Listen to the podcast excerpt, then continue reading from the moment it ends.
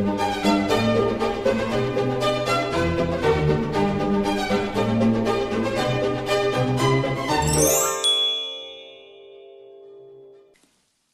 och välkomna till Kungligt Med Jenny Alexandersson. och Sara Eriksson.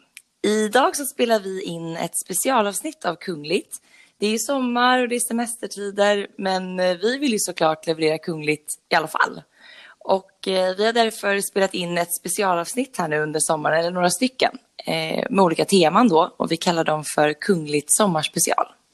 Och i det här avsnittet så ska vi prata om kungafamiljens sommarresidens Soliden. Och historien om slottet, kungafamiljens koppling till det och varför det blev deras privata paradis. Ja, men Solidens slott är ju verkligen kungafamiljens privata paradis på jorden kan man väl säga. Eh, här kan de liksom släppa alla kungliga plikter, kasta av sig den här officiella rollen och ja, men bara vara sig själva och njuta av sommaren. Och eh, sommarsemestern för kungafamiljen den börjar ju på allvar i samband med eh, kronprinsessan Victorias födelsedag. För då är ju garanterat hela familjen samlad. Men det här slottet det, det döljer så mycket mer. För bakom de tjocka vita stenväggarna så har ju en rad kungliga skandaler, kärlekshistorier, svek, men också fantastiskt positiva händelser utspelat sig genom åren. I modern tid så har vi sett en till synes lycklig förlovning brytas i sorg. Prinsessa Madeleine och Jonas Bergström de visade ju upp sin härliga kärlek inför hela svenska folket på grusplanen framför slottet. Men eh, bara en tid senare så valde de att bryta förlovningen och Madeleine flyttade till New York. Eller flydde, beroende på hur man ser det. Men det pratar vi mer om senare.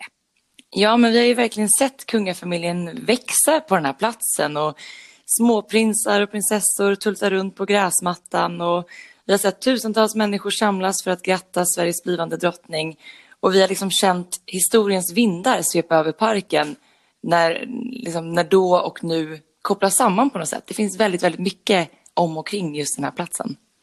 Men jag tycker vi tar det från början och när du ändå är inne på historia, Sara, så tycker jag att vi, vi börjar där, slottets historia.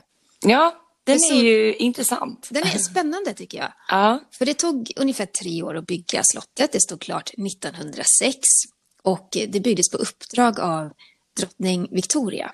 Och vi måste ju prata lite om henne, för hon var en väldigt speciell kvinna.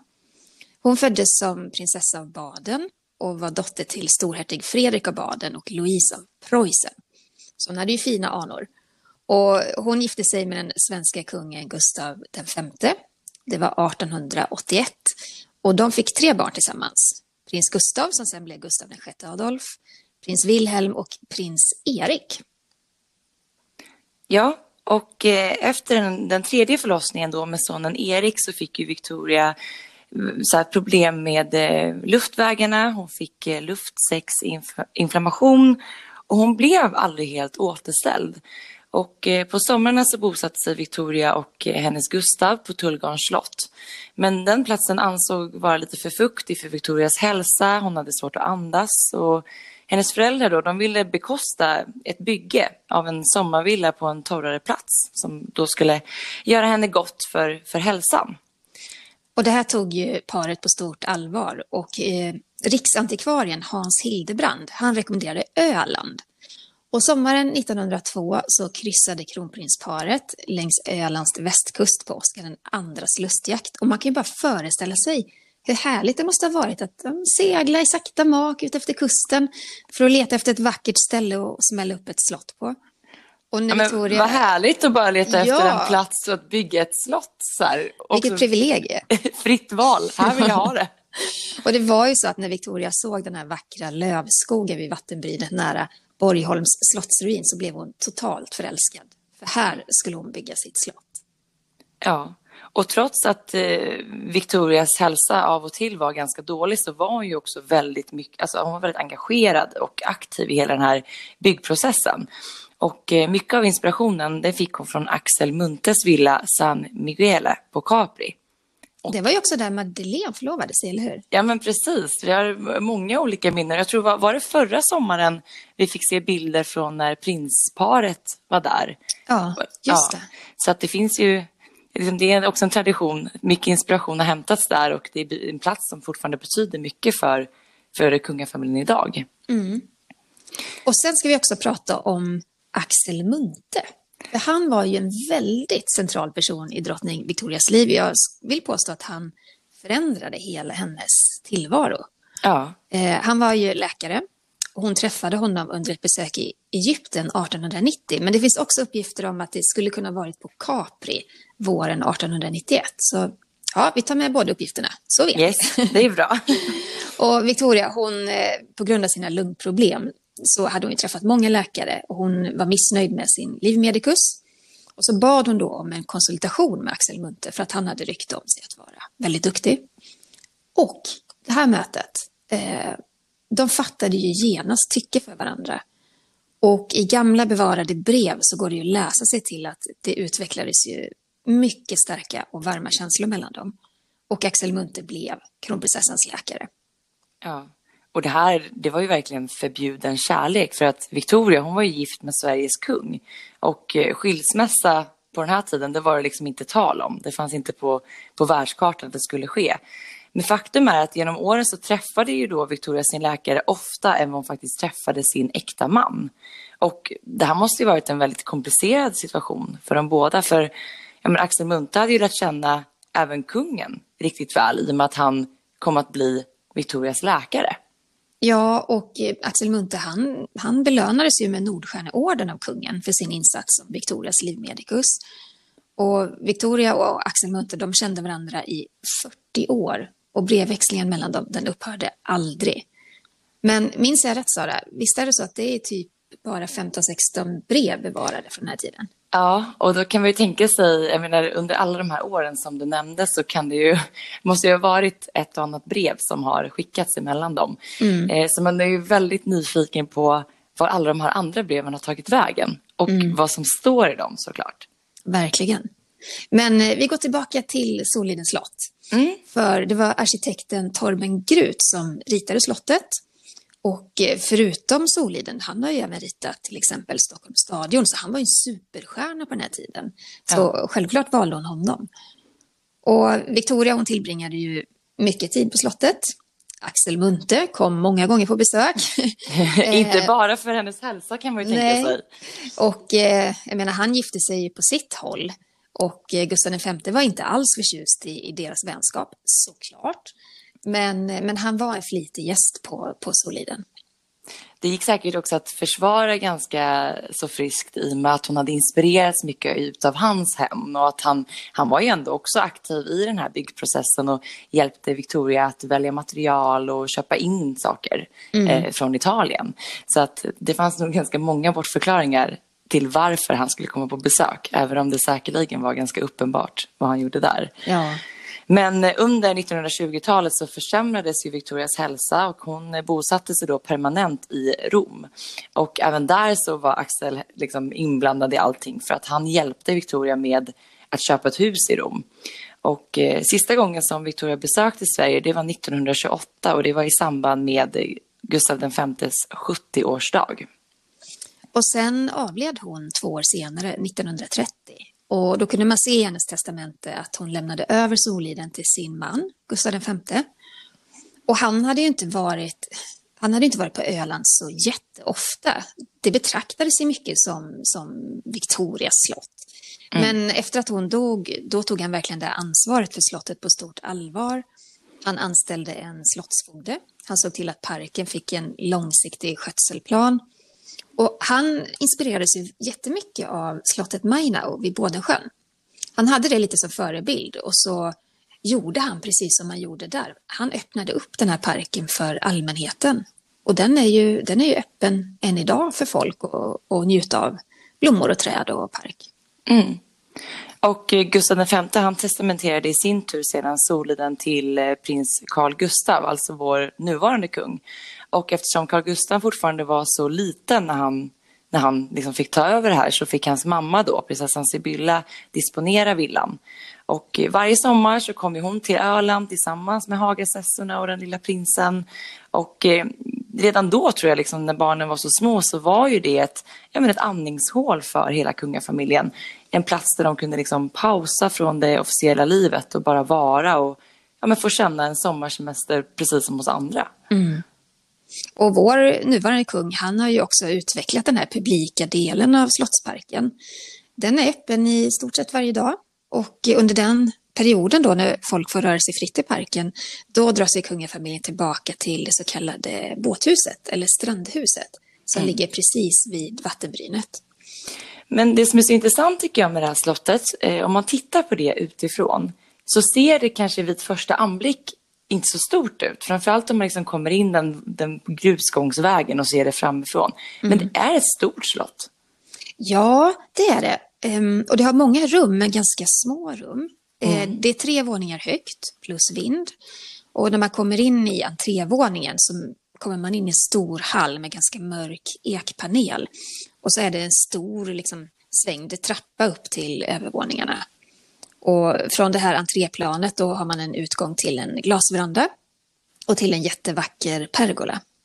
Ja, och köket det ligger ju en halv trappa ner. Och det är väldigt så stort och trivsamt, gammaldags med liksom kopparkastruller och gamla funkisskåp.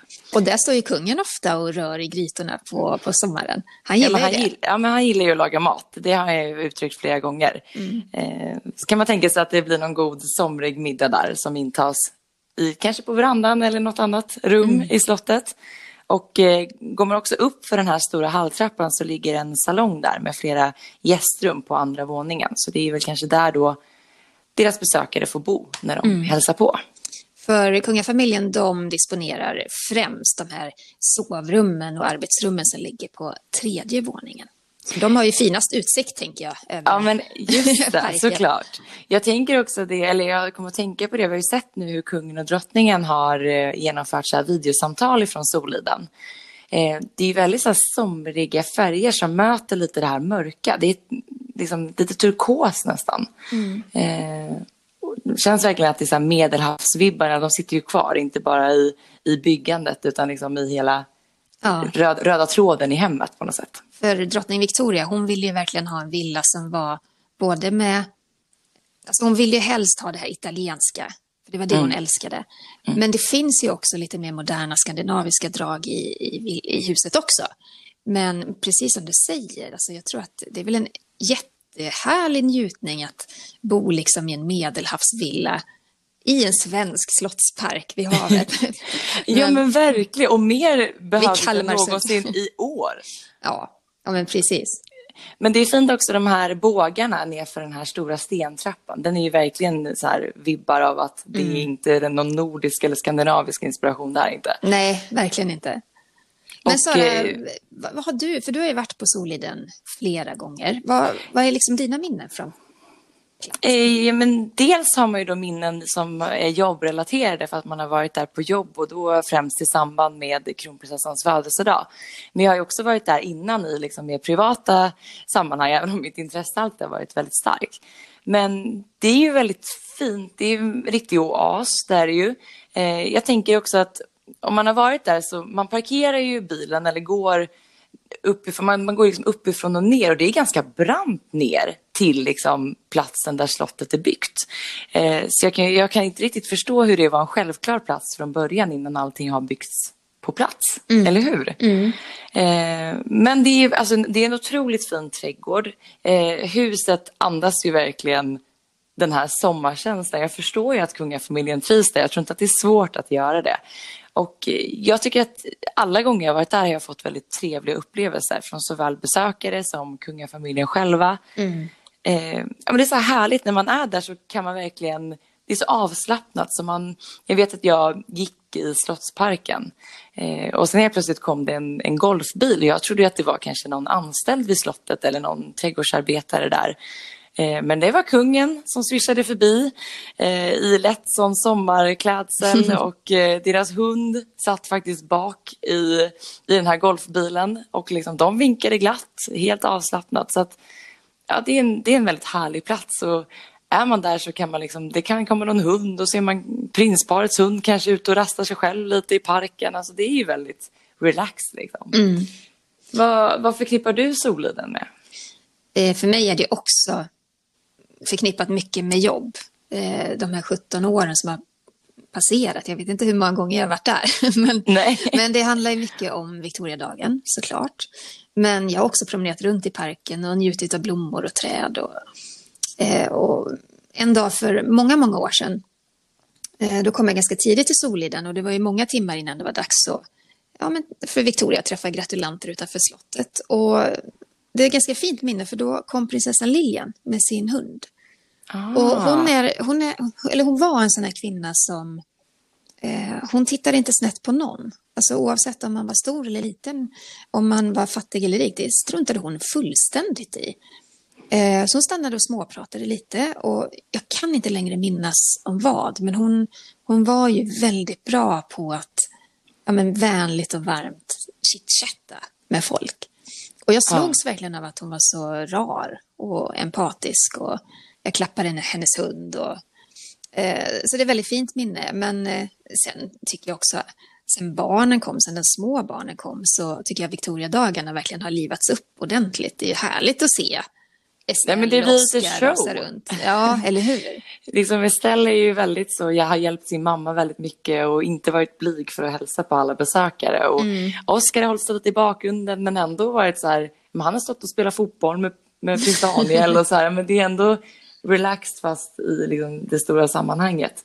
Men du menar alltså att du gick där i Slottsträdgården och helt plötsligt så kom Lilian, hon var ute på en ja, promenad eller? Eh, jag tror att hon, det här var ju mitt under dagen när parken var öppen för allmänheten. Jag tror att hon hade varit inne på Solidens slott och kanske hämtat någonting eller, eh, eller kanske haft en sen förmiddag, jag vet inte. Men hon var på väg ner mot eh, det här, den här avspärrade delen av parken som vetter ner då mot vattnet och strandhuset. Mm. Men när man pratar om, man pratar om barnen eh, då kan man verkligen förstå varför de älskar Soliden. För att det är också så nära till ja, men till lantbrukarna runt omkring. Eh, de har hoppat i hö, hälsat på korna eh, hos grannarna. De rider ofta på hovställets hästar för de går på grönbete på Öland. Sen finns den här gamla vackra lekstugan som är ett stenkast ifrån slottet. Och mm. den fanns ju, fanns ju redan på Hagasessornas tid och den är ju rätt stor för att vara en lekstuga. Där har man ju haft kräftskivor förra åren och den har använts till mycket. De, men det finns också en tennisbana på området. Mm. Och jag tycker det är så härligt för att det här det här avslappnade fina, det går ju verkligen i arv. För nu får ju Victoria, Carl Philip och Sofias barn uppleva samma frihet på, mm. på Soliden.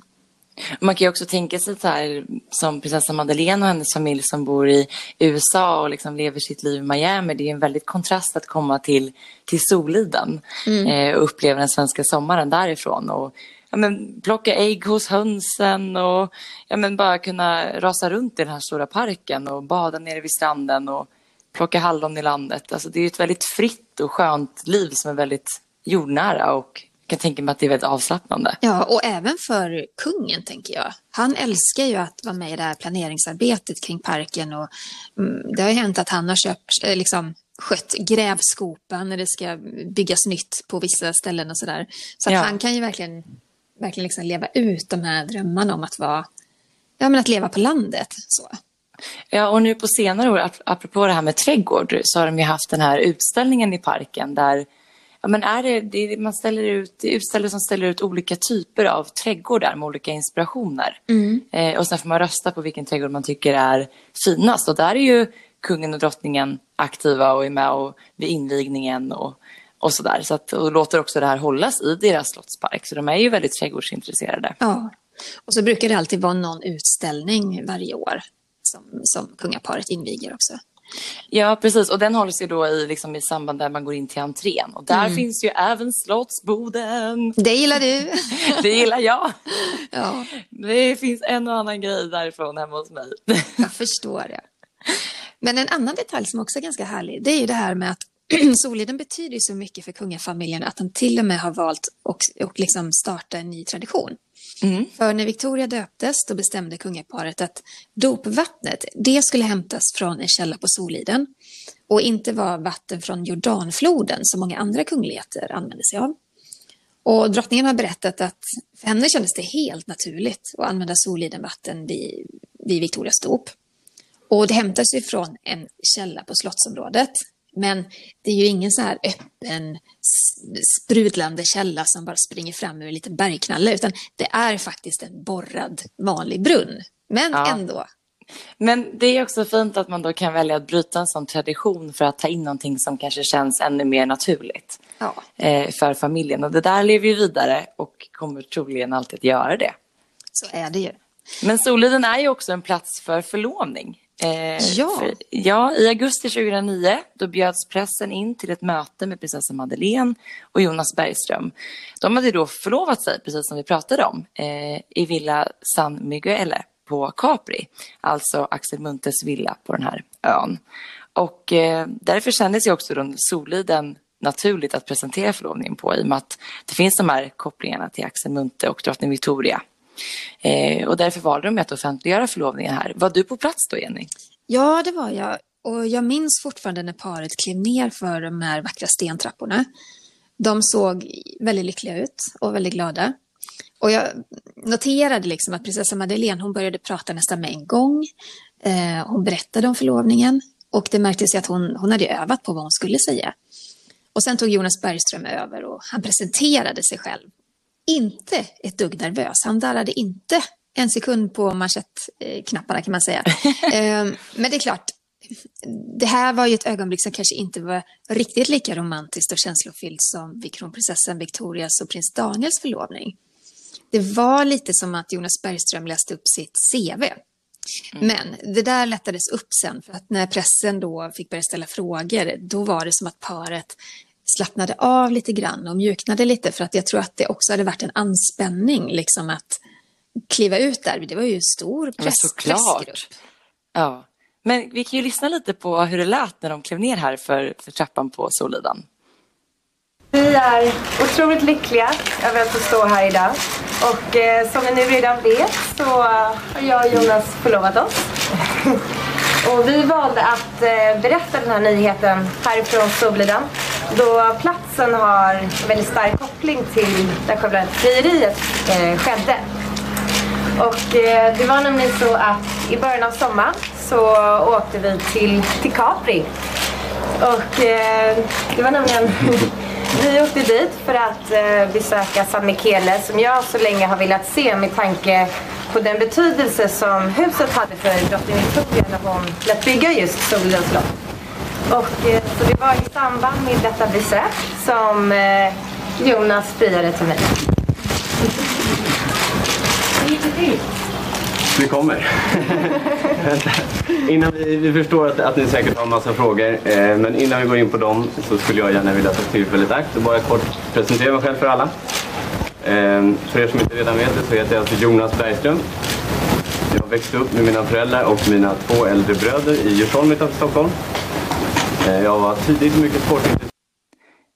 Men tyvärr så blev det ju inget bröllop. Nej, det stämmer.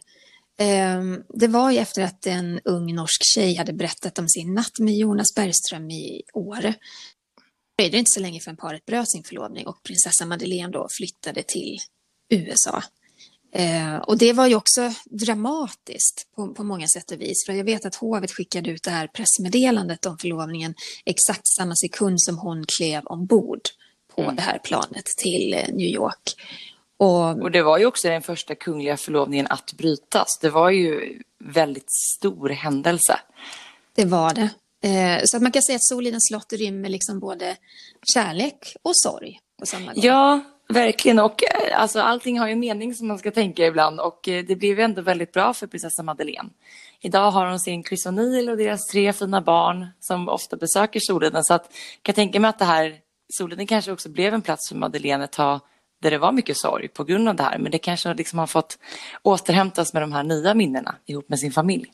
Det tror jag absolut. Och sen mm. är det ju så att den 14 juli då så samlas ju hela familjen med stort fokus på födelsedagsbarnet kronprinsessan Victoria. Och Victoriadagen, det är definitivt Ölands nationaldag. Mm. Eh, firandet startades 1978, då var ju Victoria ett år gammal.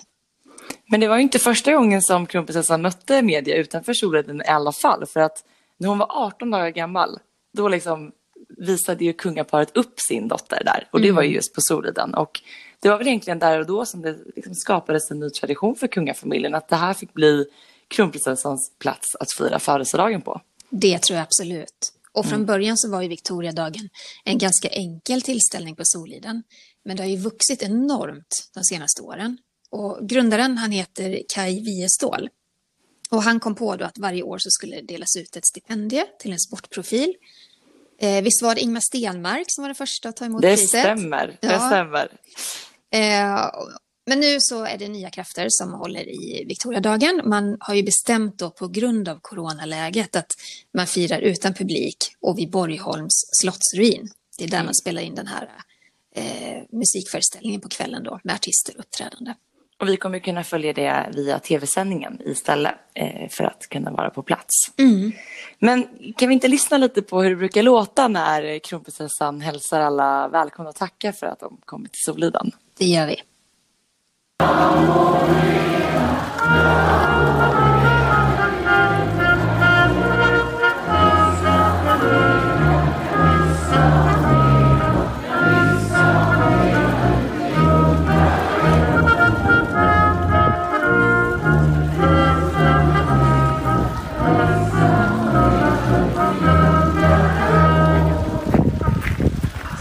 För att ni alla är här idag. Det betyder jättemycket och varje år blir jag lika förvånad att så många väljer att de facto komma hit idag på min födelsedag. Det gör mig väldigt varm i hjärtat, oerhört mycket. Jag sätter stort värde på de ansträngningar och all den möda som ni har lagt ner för att komma hit idag och också det tålamod som ni har haft. Ja, och Victoriadagen som du säger Jenny, den har ju verkligen så här blivit större och större med åren. Eh, det liksom har tillkommit ett Victorialopp där pengar samlas in till kronprinsessan Victorias fond. Och eh, dagen innan kronprinsessans födelsedag så um, spelas Victoriagolfen på Ekerum. Och eh, prins Daniel har ju självklart blivit en väldigt naturlig del av det här i och med att han spelar väldigt mycket golf. Mm. Ehm, det är som sagt kungafamiljens privata paradis och eh, eftersom familjen växer så tog man också beslutet att bygga en helt ny eh, villa på området. Och det är ju Victoria och Daniels egna hus som ligger väldigt nära strandkanten på en stor äng. Och den är lite mer modern. Eh, den är, det är liksom två flyglar som är sammanbyggda och framför det här vita huset så ligger det en stor härlig pool. Ja, ja men, och den ska ju sägas, den ligger liksom i den privata delen av parken. Det är ju ingenting som man som besökare kan se, utan det ligger väldigt för sig självt. Där de verkligen får ha sin privata sommaroas. För på somrarna så är det ju så att kungaparet bor ju inne på själva Solidens slott. Eh, när Madeleine och hennes familj kommer och Carl Philip och hans familj kommer, då bor de ofta i Kavaljershuset. Det är ju ett, ett gammalt hus, en gammal byggnad som fanns redan innan slottet byggdes, där drottning Victoria ofta bodde under uppbyggnaden av själva slottet. Eh, och det är ganska stort, eh, så där får det plats eh, mycket, mycket folk, Mycket folk och många barn. många barn. Ja. Ja, men det är en väldigt härlig plats och om man har chansen att åka dit så tycker jag verkligen att man ska göra det. Det är en väldigt fin park och det finns mycket intressant att ta del av. Eh, verkligen. Och framförallt njuta av eh, parkens skönhet. Alltså det är en otroligt välplanerad, jättevacker park. Så upplev den, gör det. Och där har ju också kungen och drottningen varit väldigt involverade och är det varenda år för hur den liksom ska planeras och hur den ska se ut. Så Och att, utvecklas och växa. ja. Så att eh, åk dit om ni inte har varit där. Och eh, jag ska också säga det att utanför slottet så finns det ett jätte, jättemysigt eh, café som liksom lite hör ihop med allting. Där man kan avnjuta en fika före eller efter slottsbesöket. Så är det. Så är det. Men vad kul att vi har gjort lite sånt specialavsnitt nu eh, där vi grottar ner oss i ett ämne på det här sättet. Ja, jag hoppas att ni som lyssnar gillar det också. Skicka jättegärna frågor till oss. Eh, skicka till kungligt aftonbladet.se. Ja, och glöm inte att följa oss på sociala medier. Där uppdaterar vi med Kungligt Nytt eh, så gott som dagligen. Och där heter jag royalistan.se och var hittar man dig på Instagram, Jenny? Eh, jag heter Kungligt. Nej, det heter jag inte. jo, kungligt, kungligt med Jenny. Du Ja. heter Kungligt med Jenny. Alltså min hjärna har redan gått på semester känner jag. ja, Mm. nej, Kungligt med Jenny på Instagram. Ja. Kungligt med Jenny och royalistan.se. Där hittar ni oss på Instagram. Tills vi hörs nästa gång hoppas jag att alla tar väl hand om varandra och att ni har en fin sommar. Hej då! Hej då!